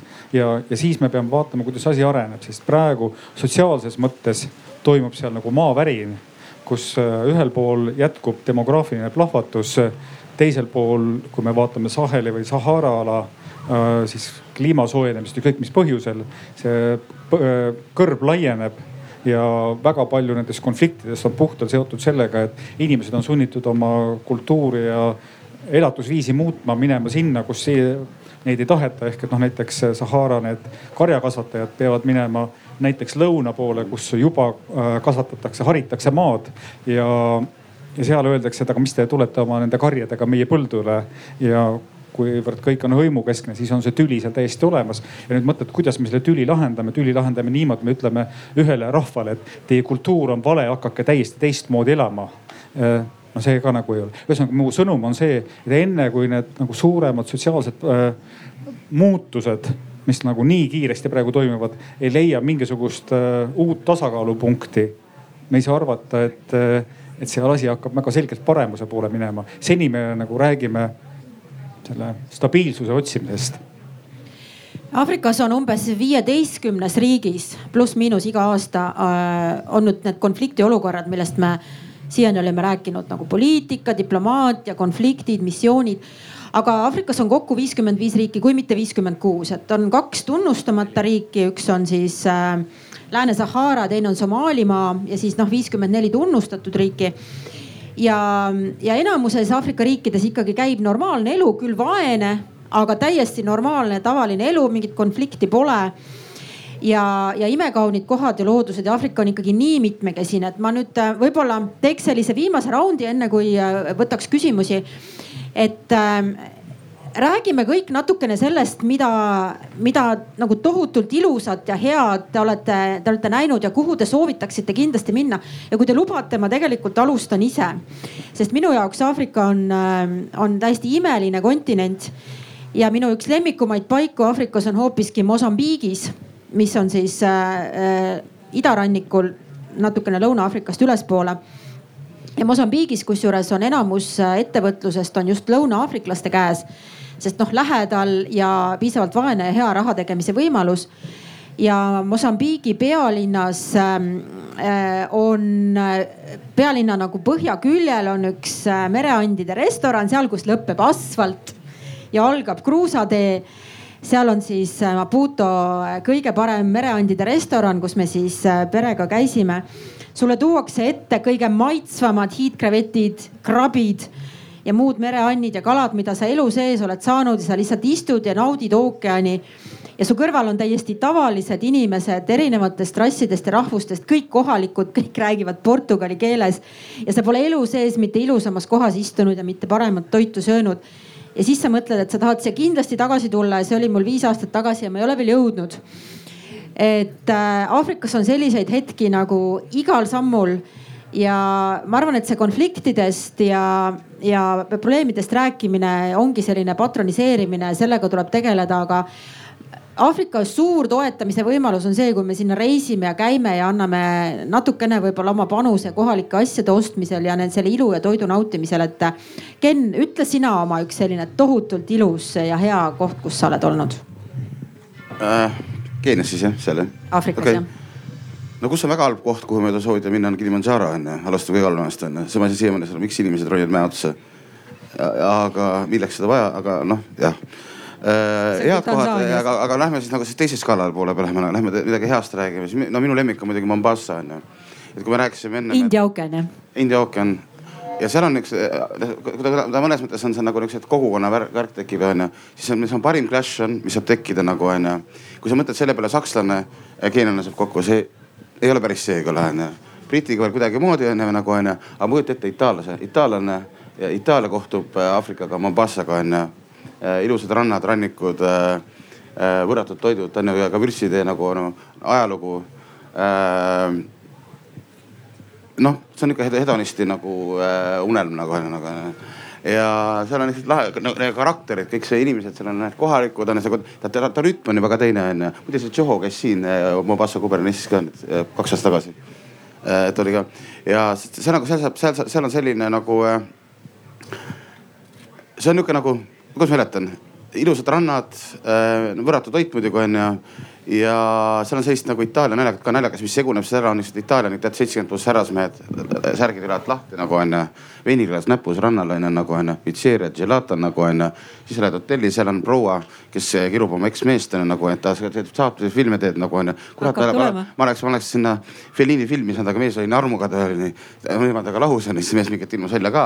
üldsegi ma kogun grammofone siin, see on niisugune delfiiniga hedonistlik nagu, ise kasvatan endale toorainet onju. ja õhtuti, no muidugi ilu, iluoperatsioonidest äh, räsitud iga õhtu paneb kontskingad jalga punased onju, värvib hulled ära ja läheb kasiinosse selline see, vaatepilt. see on, see on Aafrika on ju, üks Aafrika nagu on ju. ja eks seda teist on ka seal nagu on ju. ja on, no muidugi on see, et kui sa võtad auto, lähed äh, lapsega sõidad on ju, on vaja shortcut'i võtta kuskilt on ju, lähed ja sõidad, last üles saada on ju. kurat, sul on äh,, sul on tee peal õhtul sõidad, vaatad mingid jalad on nagu on ju. ja need hetked, mis sellest on ka nagu niuksed nagu tead ootamatud on ju. sul on kaelkirjak vaatab sulle autos otsa vaata või no, elevant, no et see kõik see koht, seda kõike on seal. samas sa võid minna nagu linnas minna nagu minna väga, väga lahedasse moodsasse nooblisse nagu mingisse hipster restorani, ühte lahedamasse restorani. saad seda perfektset äh,, autentset äh, Euroopa mingi fine dining ut onju. et seda kõike seal on nagu onju. et, et, et, et ja see kõik on selles mõttes mõnus, et ta on kuidagi kontsentreeritud nagu, ta on nii vaheldusrikas lihtsalt nagu onju. ja ta on, ta on ja mõnes ja, ja heas mõttes hullumeelne. see kõik on nagu kvintessentsiga veel omakorda. mina olen ka Keenias laudade vahel tantsinud. Tanel, kus need sinu toredad kohad on Aafrikas? minu kurb lugu on see, et, et kui ma läksin pole Etioopiasse eelmise aasta alguses, kes oli kõigepealt Eesti esinduse loomine ja siis tuli Covid peale. et väga palju ma reisinud ei ole, aga, aga, aga mõningates kohtades ikka. ja, ja no ma ei arva, et, et mägedesse ronimine mõttetu nüüd on. see on äh, äärmiselt äh,, sa proovisid ka? no mul on kavas Kilimandžaro. ära mine, palun ära tee seda, sa, sa, sa saad siit aru, kui sa oled seal aga, aga ma toon lihtsalt ühe näitena, mis, mis mul on äh, väga hästi meelde jäänud, et äh, Etioopias äh, seal on muidugi võid mägedesse minna ja, ja vaadata viiesaja meetri kõrguseid koski ja, ja, ja sellised vaatepildid, mis tõesti võtavad äh, südame alt nõrgaks. aga meie läksime kuumavee allikatele ühel nädalavahetusel ja, ja laupäeva hommikuks oli meil planeeritud minna vaatama päiksetõusu ühe künka otsast. giid tuli meiega kaasa ja meil oli siis ühes kohas kokku lepitud hommikusöök. me jõudsime sinna kohta natukene varem. Hommikusöök polnud veel kohal ja, ja siis istusime maha ja ootasime. järsku meie giid hakkab seal karjuma. Haina, Haina, Haina. kõik tõusime püsti järsku. ei olnud hüään leopard hoopiski meie selja taga, kus oli viie meetri kaugusel ja siis, siis oli selline ameerikalik kurbmäng, et, et huvitav, keda ta nüüd siis hiilis seal, et kes oleks tema hommikusöögiks saanud. sellised hetked, millest sa kunagi ei kujuta ette, et satud sellistesse, et see on see, mis mulle, mulle väga meeldib. Ilmar, kuidas sul? ma saan aru, et meil on siin eh, kolme sorti vähemalt eh, nägemust, et üks on see nägemus, kus me otsime puutumata loodust, mis on kahtlemata selle Aafrika suuruse üks võlusid, et, et seal endiselt on neid kohti, kuhu just nagu sina astud esimesena. ja, ja see on, see on lummav üks, ükskõik mis kohas. Ja samal ajal võib see tsivilisatsioon ka niimoodi sisse tulla, et Lõuna-Aafrika Vabariigis kord matkates sellisel mägiteel äh, siis äh, nagu kutsuti ka seal alpionnid, sellised vahekohad, kus võib siis öö, öömajale jääda. seal oli mingisugune kaplinna äh, selline no noorte jappide jõuk, kes oli ka kogu päeva matkanud, jõudis kohale ja ja siis, kui, kui mina võtsin siis välja oma priimuse ja hakkasin matkatoitu valmistama, vuras neile kusagilt põõsast välja mingisugune maastur, kes sättis üles eh, grilli, eh, toodi suur liha ja mina vaatasin seda, kui see on ju cheat imine, see on nagu nii ei tohi matkal toodi veinipudeleid, pandi laud ülesse ja see laud ei eri, erinenud mitte millegi poolest sellest, mida oleks võinud kusagil all eh, linnas saada, siis ma saan aru, et okei okay,, tsivilisatsioon on siia jõudnud. Ja siis ma küsisin neilt, et aga et noh, kus siis veel parem on äh, Aafrikas kui praegu siin äh, Lõuna-Aafrika Vabariigis. Botswanas on veel kõik paremini organiseeritud. et minge, minge, minge Botswanasse, seal on nagu ilus elu veel kas te panite tähele, et kõik meie Aafrika äh, helged hetked olid praegu seotud toiduga?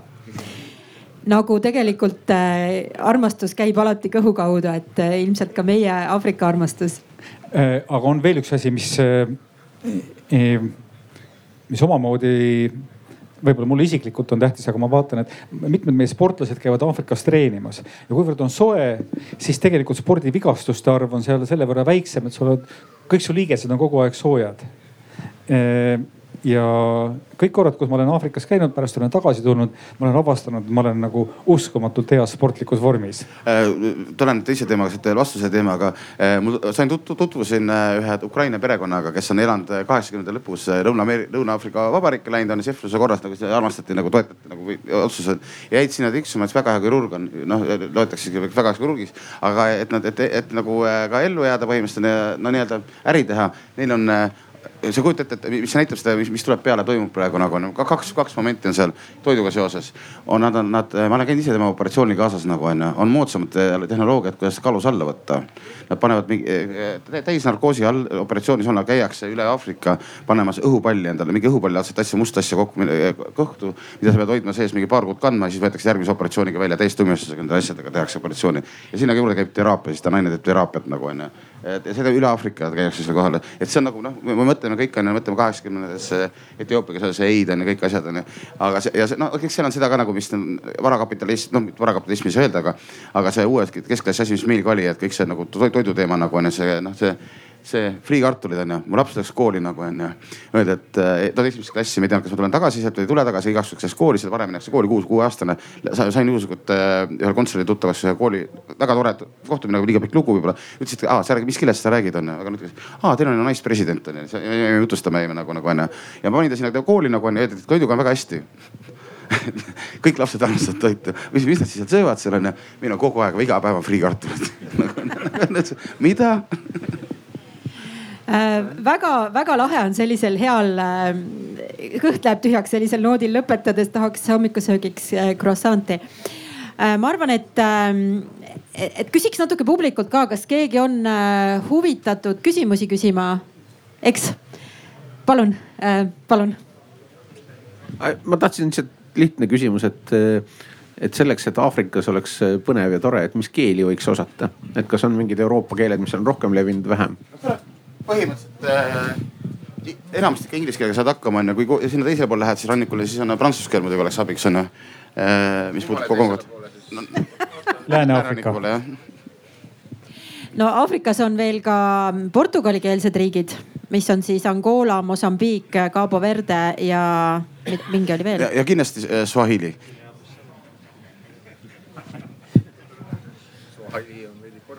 ta väga kerge pidi õppida olema ta, see keelestruktuurid on ta väga-väga, sa räägid või? No, ma selle Swahili keele suhtes jään natuke skeptiliseks, sellepärast et äh, näiteks Kesk-Aafrika Vabariigi, mis on umbes ukrainakeelne või tähendab Ukraina suurune riik. E, seal räägitakse kahtekümmet erinevat keelt. E, ja ma ei ole kindel, et nagu Swahili keel nagu väga palju aitab seal. no siis hängid Swahili tüüpidega ringis, võrgestega, mis sul jääb onju. aga, aga küsi, küsi kõva häälega lihtsalt Mele Pesti, ma olen kõige rohkem just aastal portugalikeelses Aafrikas ringi uidanud ja ise ja valimisvaatlejana. võib-olla väike esimene professionaalsest kristinismist küsimus, et kui ma nüüd õieti tabasin, Ken, sinu algses ühes monoloogis. ja, nii on parem äkki. kas sa mainisid, et käisin Keenias algul opositsioonile valimisi tegemas, et ma tahaks võib-olla selle laiendust. ma proovin hästi kompaktselt onju anda selle ära nüüd onju. see oli selline lugu nagu onju, et äh, sai kokku ühe, öeldi, et äh, ma sattusin sinna kohale kola kaasas nagu onju, suht äh, potsatasin tehnika kohale, mõtlesin, hakkan, hakkan tegema mingeid kontakte oli, hakkan tegema onju. ja siis ma sain ühe, ühe prouaga tuttu, läksin, ütles, et kuule, saa kokku, et tema Ester Bassaarit, ta vist plaanib minna poliitikasse, nüüd ta ongi see selline ja ta oli üksikkandidaadina nagu onju ja siis ma sai kokku, aga kuidagi meil nii hästi klappis nagu onju, aga mul oli kaamera kaasas ka ja mõtlesin, et see on väga hetk, et ma hakkan kohe filmima. ja siis ma eh, läksin nagu põhimõtteliselt valimiste sinna lõpuni, oli ta ka kaasas vist nagu onju. selle käigu ta ütles vahepeal, et ma istusin maha. ma ei mäleta, mis hetki mäletan, see on, et seal on noh, see äh,. koos läks, istusime ühes kohvikus onju, baaris onju. koosoleku arvastasime, et oi, me tuleme moslemitega kokku ja meil on õlled laua peal onju siis valasime, valasime õllepudel ära ja valasime õlled spardiga segamini ja tegime koosoleku ära. siis ta siiamaani ei teadnud, kas ta läheb opositsiooniga läheb. aga kuna ta ei teadnud, kas ta liitub opositsiooniga, kas ta läheb üksikkandidaadina, tal oli ennem, ennem suur tuntus oli onju. siis äh, siis me tegime selle, siis, siis ta ütles, et Ken, et vaata, et, et sa tahad, kui sa tahad aru saada, kuidas see riik toimib, onju. ma sus-, ma susan su sinna ühte seltskonda nagu sisse, nagu hakkad seal riikima ringi. ja mis ma tegin, ma tegin aasta aega tegelikult selliseid asju, mis ma tegin väga õige otsuse tegin, onju. ma äh,, ma, ma, ma filmisin mingeid asju natukene, olin kaasas, mind kaasati mingites vestlustesse, ma olin juba lõpuks äh, noh ümarlaudades osalesin siin mõnes mõttes nagu selline, arutasime asjade üle nagu onju. ja mind võeti kuidagi täitsa omaks nagu onju. ja kuna ma, ma ei esitanud ühtegi arvet neile nagu onju, nagu onju. see tähendab seda, et äh, et nad vaatasid, oh väga hea ka, et mees filmib ka nagu onju, siin tassid igal pool kaasa nagu onju. ja siis nad lennutati üle sinna nagu, ma mäletan hetki, noh Aafrika valimised hetkes ja kuskil onju. et ma olen kuskil mingis klipis olen, ütlen, noh palju inimesi tuleb onju. kas kakskümmend, ah kakskümmend tuhat tuleb nagu onju. siis istusin baaris, istusin hotellis, Mombasa oli siis onju, mingi just valimiste alguses OTM-i. noh, et palju inimesi tuleb onju, et ma, ma filmiksin üles ka nagu, et mul on droon käsil, et ma üksi pean filmima nagu, et mul näiteks mingid tüübid ka, et kes noh, enam-vähem tassiks näiteks tassida mingeid asju, oleks silma peal onju. et mis kell hakkab või mis järjekorras, kuule ära muretse, ära mõtle, võta üks viski kohtuga läksid selgus tuli kaheksakümmend, kuuskümmend tuhat inimest tuli nagu onju, nagu onju. ja mille käigu läks tükkideks läinud seal nagu noh, täitsa peale ka mäsuks läks sinna. et siis ma sain kuidagi sinna kaasa, kaasa sinna, sinna nagu kaasa nagu liikuma, et see on see valimiste okay, asi. ikkagi kajastasid pigem, et see, käisin opositsioonile valimis tegemas. ei, ma ikkagi vaidlesin, ma ikkagi osalesin ka, ma ikkagi osalesin selles mõttes nagu mingis arutlusringides ka seal nagu onju aga noh, Ester läks ise, tuli tagasi siis poliitikasse, ikka otsustas liituda nagu, siis ma, siis ma sain nagu, hakkasin temaga ringi liikuma. nüüd ta on parlamendis on praegu. Tulevad kahe aasta eest valimised, siseinfo ütleb, et võib-olla kahe aasta pärast eh, lükatakse natuke edasi nagu, tea, mis Covidi asjadega. Tuhuru, eh, kes on praegu meil võimusel, et võib-olla jääb ikkagi nagu pikemaks nagu on. aitäh, mul on teine küsimus ka Tanelile võib-olla pigem, et need võib-olla need suuremad metateemad kuidas sellega seis on, et noh, neokolonialismi mainisite ise seda terminit, eks ju, et kuidas sellega seis on, et kas on juba ka liikumist selles suunas, et mõned valitsused, mõnede riikide valitsused näiteks kehtestaks nõudeid, ütleme näiteks korporatsioonidele suurfirmadele, kes tulevad äh, noh küll investeeringutega, aga kellel on nagu hästi selged ikkagi huvid põhimõtteliselt jätkuvalt neid ressursse kätte saada võimalikult odavalt, noh kohustada neid infrastruktuuri investeeringuid tegema, et noh enda selline vähene kogemus nelja-viie riigi pealt näitab küll, et noh näiteks Angola, mis on, eks ju, pööraselt rikas ressursside poolest. noh, kõige, kõige suuremad kontrastid, kõige nukram seis, et noh, kasvõi isegi pealinnas, eks ju, need asfalteeritud tänavad seal põhikohti ühendamas ja siis nagu vasakule-paremale otse kuristikku enam-vähem tuleb siis oma džiibiga sealt laskuda. et kas seal on mingit lootust? No lootma peab alati, onju. Ehm, ma pigem natukene pööran su küsimust natuke teise nurga alla. Ehm, see, mis on Aafrikas toimunud, on, on, on olnud tohutu Hiina raha sissevool.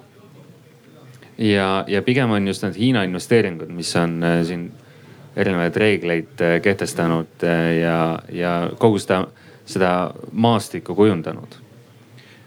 mida on näha nüüd on see, et äh, mitmed Aafrika riigid on aru saamas, et tegelikult see Hiina raha, see odav raha, et selle, selle tagasimaksmine palju-palju suuremalt tuleb hoopiski hiljem.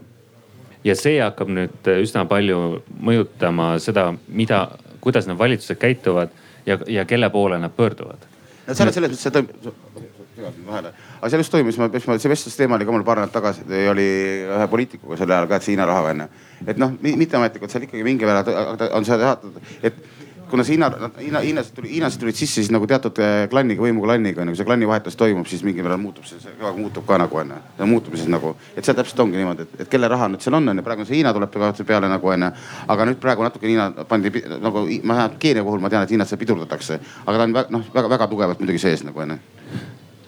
Ja kui me räägime nendest Lääne või Euroopa investeeringutest eh, ja, ja ja noh, tegelikult see, see kaevandamise teema on, on endiselt üsna, üsna kõvasti üleval, sellepärast et see on kohalikele valitsustele hea tuluallikas. võib-olla nad saavad vähem, kui, kui nad ise kaevandaksid, aga neil võib-olla ei ole ka neid võimalusi ise kaevandada, siis kutsutaksegi suured korporatsioonid sisse.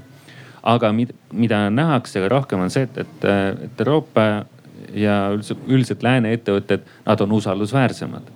Nendega saab pikemat aega teha, teha diile. muidugi üks teema, millest me üldse ei ole rääkinud ja, ja, ja vähemalt märksõna ma tahan sisse tuua, on korruptsioon. Äh, üle-aafrikaline korruptsioon on lihtsalt nii suurtes mõõtmetes, et, et jälle me, me ei hooma seda väga hästi. ja loomulikult Hiina ettevõtetega on korruptiivsematel inimestel palju lihtsam käituda kui Euroopa ettevõtetega. Ma jah tahtsingi siia samasse jõuda, et, et kui siis, kui me jätame kõrvale Aafrika huvid ja vaatame seda maailma suurt pilti, siis me jõuame omaette küünilise küsimuseni sellisest maailma geopoliitikast, kus äh, äh, kus eurooplased on oma erinevate poliitiliste väärtuste suhtes turuosa väga selgelt andnud äh, küll küll Hiinale, küll, küll teistele ja noh, nagu sisuliselt Euroopa neokolonialismist äh, rääkimine täna on ikka suhteliselt nagu mõttetu teema sellena Aafrika üldpildis. ja see vahe tuleneb sellest, sellest, millest me oleme palju rääkinud, et, et hiinlased, venelased või kes iganes, et neil ei ole see väärtuste teema oluline ja neil ei ole ka korruptsiooni teema oluline. kui vaja, siis makstakse need riigipead kinni ja tehakse oma asjad ära. Äh, tõepoolest, ka mina panin tähele, et kui, äh, kui tulevad eurooplased oma arengurahadega või, või abipakettidega või mingite asjadega, siis eurooplaste maine tegelikult on suhteliselt halb valitsuste hulgas äh, tulge, andke meile see eelarvetoetus või andke meile see projekt. aga ärge jumala eest nõudke meilt inimõiguste täitmist, ärge meilt mitte midagi nõudke ja kui te nõuate, siis me võtame hiinlaste käest. noh, see ei ole muidugi selline äh, üldine üldine trend igas riigis, sest Aafrika riigid võivad ka väga rikkad olla, neil on ka väga palju maavarasid, et nende enda eelarved on ikkagi äh, paljudel riikidel suuremas osas ikkagi enda rahadega, mitte eurooplaste või hiinlaste rahadega aga väga selgelt öeldakse eurooplastele välja, et äh, teie nõuate inimõigusi, teil on tingimuslikkus, meie võtame Hiina raha, ehitame endale raudtee, ehitame endale maantee. ja nad kuidagi mingil hetkel ei adu, et äh, Hiina laenud, Hiina raha on tavaliselt laenudena, mitte arenguabina. Ja see protsent, mis sealt tuleb, on kõrgem kui arengupankadest võetuna. Ja hoiatav näide tegelikult on jõudnud ka juba Aafrika valitsuste silmisse, on see, et esimene Hiina siiditee arenguabi projekt, mis oli Sri Lankal kus Sri Lanka valitsus ei jõudnud tagasi maksta äh, ühe keerulise nimega sadama äh, jaoks võetud raha. Ja lepingus oligi punkt, et sadam antaksegi nüüd hiinlastele üheksakümne üheksaks aastaks äh, omandisse ja, ja sarnane asi on kuulda, et on juhtumas Djiboutis ja, ja ka Keenia rannikul et ega Aafrika valitsused lõppkokkuvõttes oskavad samamoodi arvutada, et võib-olla hiinlased tulevad küll ilma tingimuslikkuseta, aga need protsendid on jälle suured, nii et äh, see, see kahe, see võimumist on näha nagu selle poliitika või võimuliki võimust on näha selles mõttes ka, et noh, lihtsalt näide nagu on, et ehitati päris väga lahe raudtee, eh, mida sõita nagu tegelikult uus raudtee, mis on siis Nairobist Mombassasse onju enne valimisi, noh vana aja Savisaare trikk onju. ja hakati avama kõiki need onju. et avati ära see noh puhas Hiina, Hiina, Hiina noh, sa võid mõelda küll, et tööhõive ja uus raudtee, uus liinid, kõik see parandab midagi onju. kogu kohalik crew ja Hiina, et ega seda kohalikku tööd ei olnud nagu onju ja just vahetult enne valimisi Hiina raha pannakse, et äh, võimul, võimul olev president käib äh, linti lõikamas onju. ja noh, see on, see on nii otsene minu jaoks nagu täitsa oli juba noh me oleme jõudnud juba üksteist kahekümne nelja, meil on veel täitsa kuus minutit, et võtame veel ühe küsimuse. aitäh. Äh, kui Hiinas on hästi palju rumalat raha, siis Eestis tundub, et on mitte liiga vähe väga tarka raha ehk siis tehnoloogiasektoris ja, ja nii edasi et, et kui üks viis on, ma arvan, et mitte väga mõjus viis on minna, minna Aafrikasse külla ja seal raha kulutada, siis, siis teine on võib-olla seal ise investeerida. ja minu küsimus on siis see, et, et igaühele pane, panelistidest äh, kujutage ette, et te kaotate nüüd homme töö. Te olete nüüd töötud, aga teile antakse kümme miljonit äh, eurot. kuhu ja kuidas te selle kulutate? Ilmar noh, praegu ma võib-olla isegi vaataks seda KITS kakskümmend neli projekti, et võib-olla peaks seda arendama. seda, ma teed väga soodsalt saad kitsed. sa võiksid kitsekarja teha, seda, sulle väga meeldis, usu mind noh. äh,. ei, ühesõnaga see vastab sellele, et, et ta, seal on klient on enam-vähem igaüks ja, ja ka see vahend selle nagu teenuse jaoks on igale ühele kättesaadav. asi, mis mulle nagu ise tunduks ilmselge oli seal Saheli või Sahara lõunaosas teatud põllumajandus, mida olles Eesti nii-öelda talupoja perekonnast pärit, ma enam-vähem tean, mismoodi näeb välja lehmaudar või põld. et ma vaatan seda ja mõtlen, et, et mina tean ka paremaid põllumajandusvõtteid, et ma või noh, näiteks kõrbes on, on kaev küla juures ja külamehed seletavad, et, et neetud lugu, et meil ilusasti puuriti siia kaeva üks viisteist aastat tagasi, aga vesi on sees praegu roostene ja savine. et oh kahju, et ei saa, noh pumpavad välja, näitavad tõepoolest selline ro roostene vesi. Me küsime, et aga kas te nagu filtreid ei ole tahtnud siia panna või kaevu puhastada? filtreid, vaatavad nad otsa, mina, mina väga lihtsalt üsna loomuliku mõistusega mõtleks välja mõned filtrid ja tegeleks selle nagu vee tootmisega seal, et noh, iseenesest see just nagu ole, oleks võimalik.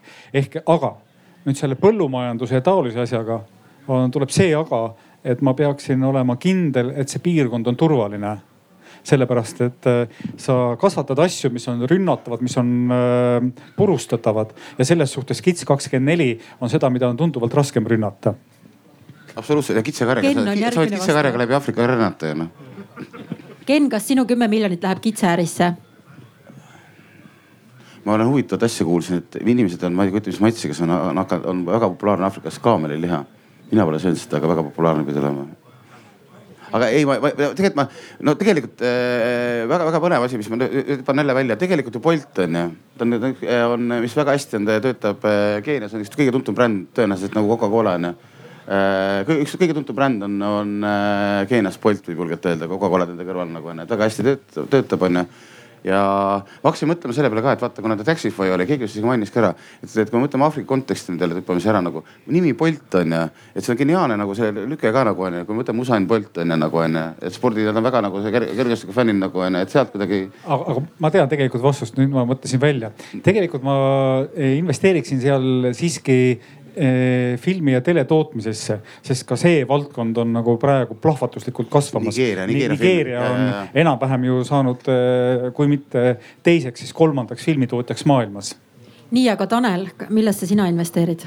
ma kõigepealt küsiksin veel umbes kümme või kakskümmend miljonit juurde, sellepärast et, et tuleme tagasi selle kaardi juurde, mis siin ees on. Need mastaabid on, on lihtsalt nii meeletud ja selleks, et äh, mingiski valdkonnas läbi lüüa, on vaja väga palju riskikapitali ka aja mõistes. ja ma siin, no lihtsalt on ühe, näitena, et, et, et ma olen ka üritanud Eesti ettevõtteid saada Etioopias, et neid, et neid kaasata ID-kaardi projekti. projekti maht on umbes pool miljardit ja loomulikult Eesti ei hakka tegema seal kogu, kogu seda projekti, see käib selgelt üle jõu ja enamus Eesti ettevõtteid on liiga väikesed, et, et Aafrikas üldse midagi suurt ära teha. siis äh,. Bolt. Bolt äh, noh. Bolt on kõige suurem, tõenäoliselt kõige üks suuremaid tõendeid. ja Aafrika on nende teine turg. absoluutselt äh,, ma arvan, et esimene isegi pigem julgen öelda. ma arvan, ma okei okay.. peaks olema teine, aga selle kümne miljoniga ei tee väga palju. see on see mu point, et äh, jah äh, Kits kakskümmend neli ja Lammas kakskümmend neli, neid, neid äh, lahendusi saab, saab äh, välja tuua, aga minu ülesanne Eesti diplomaadina on, on eelkõige vaadata, kus, kus Eesti saab, saab ka olla kaasatud ja võimalikult efektiivselt. küsimuse üks osa oli see ka, et, et, et sa enam ei ole Eesti diplomaat et sa üleöö, üleöö muutusid, muutusid riskikapitalistiks. Tahad kommenteerida veel või? Tõmbame otsad kokku? Tanel ei taha rohkem kommenteerida, aga mina, mina hea meelega ütlen sulle seda, et mina olen endine diplomaat ja nüüd müüme Aafrikasse e-maksuameteid, nii et kui kellelgi on kümme miljonit üle, siis äh, firma nimega Fiscal Admin võtab rõõmsasti investeeringu sisse. Aga suur aitäh kõigile Aafrika huvilistele soovitame julgelt reisida turvalistesse Aafrika riikidesse. ja soovitage, ma soovitan ka, et, et kui te tahate, plaanite minna just sinna ida, idarannikule, siis kõige parem aeg on, ärge minge veebruar liiga palav võib-olla on onju. mingi suht varsti on väga okei okay minna praegu aeg. et ma, ma soovitaks järgmist nädalat juba isegi nii et tere tulemast kõik Aafrikasse, aitäh teile. selge see.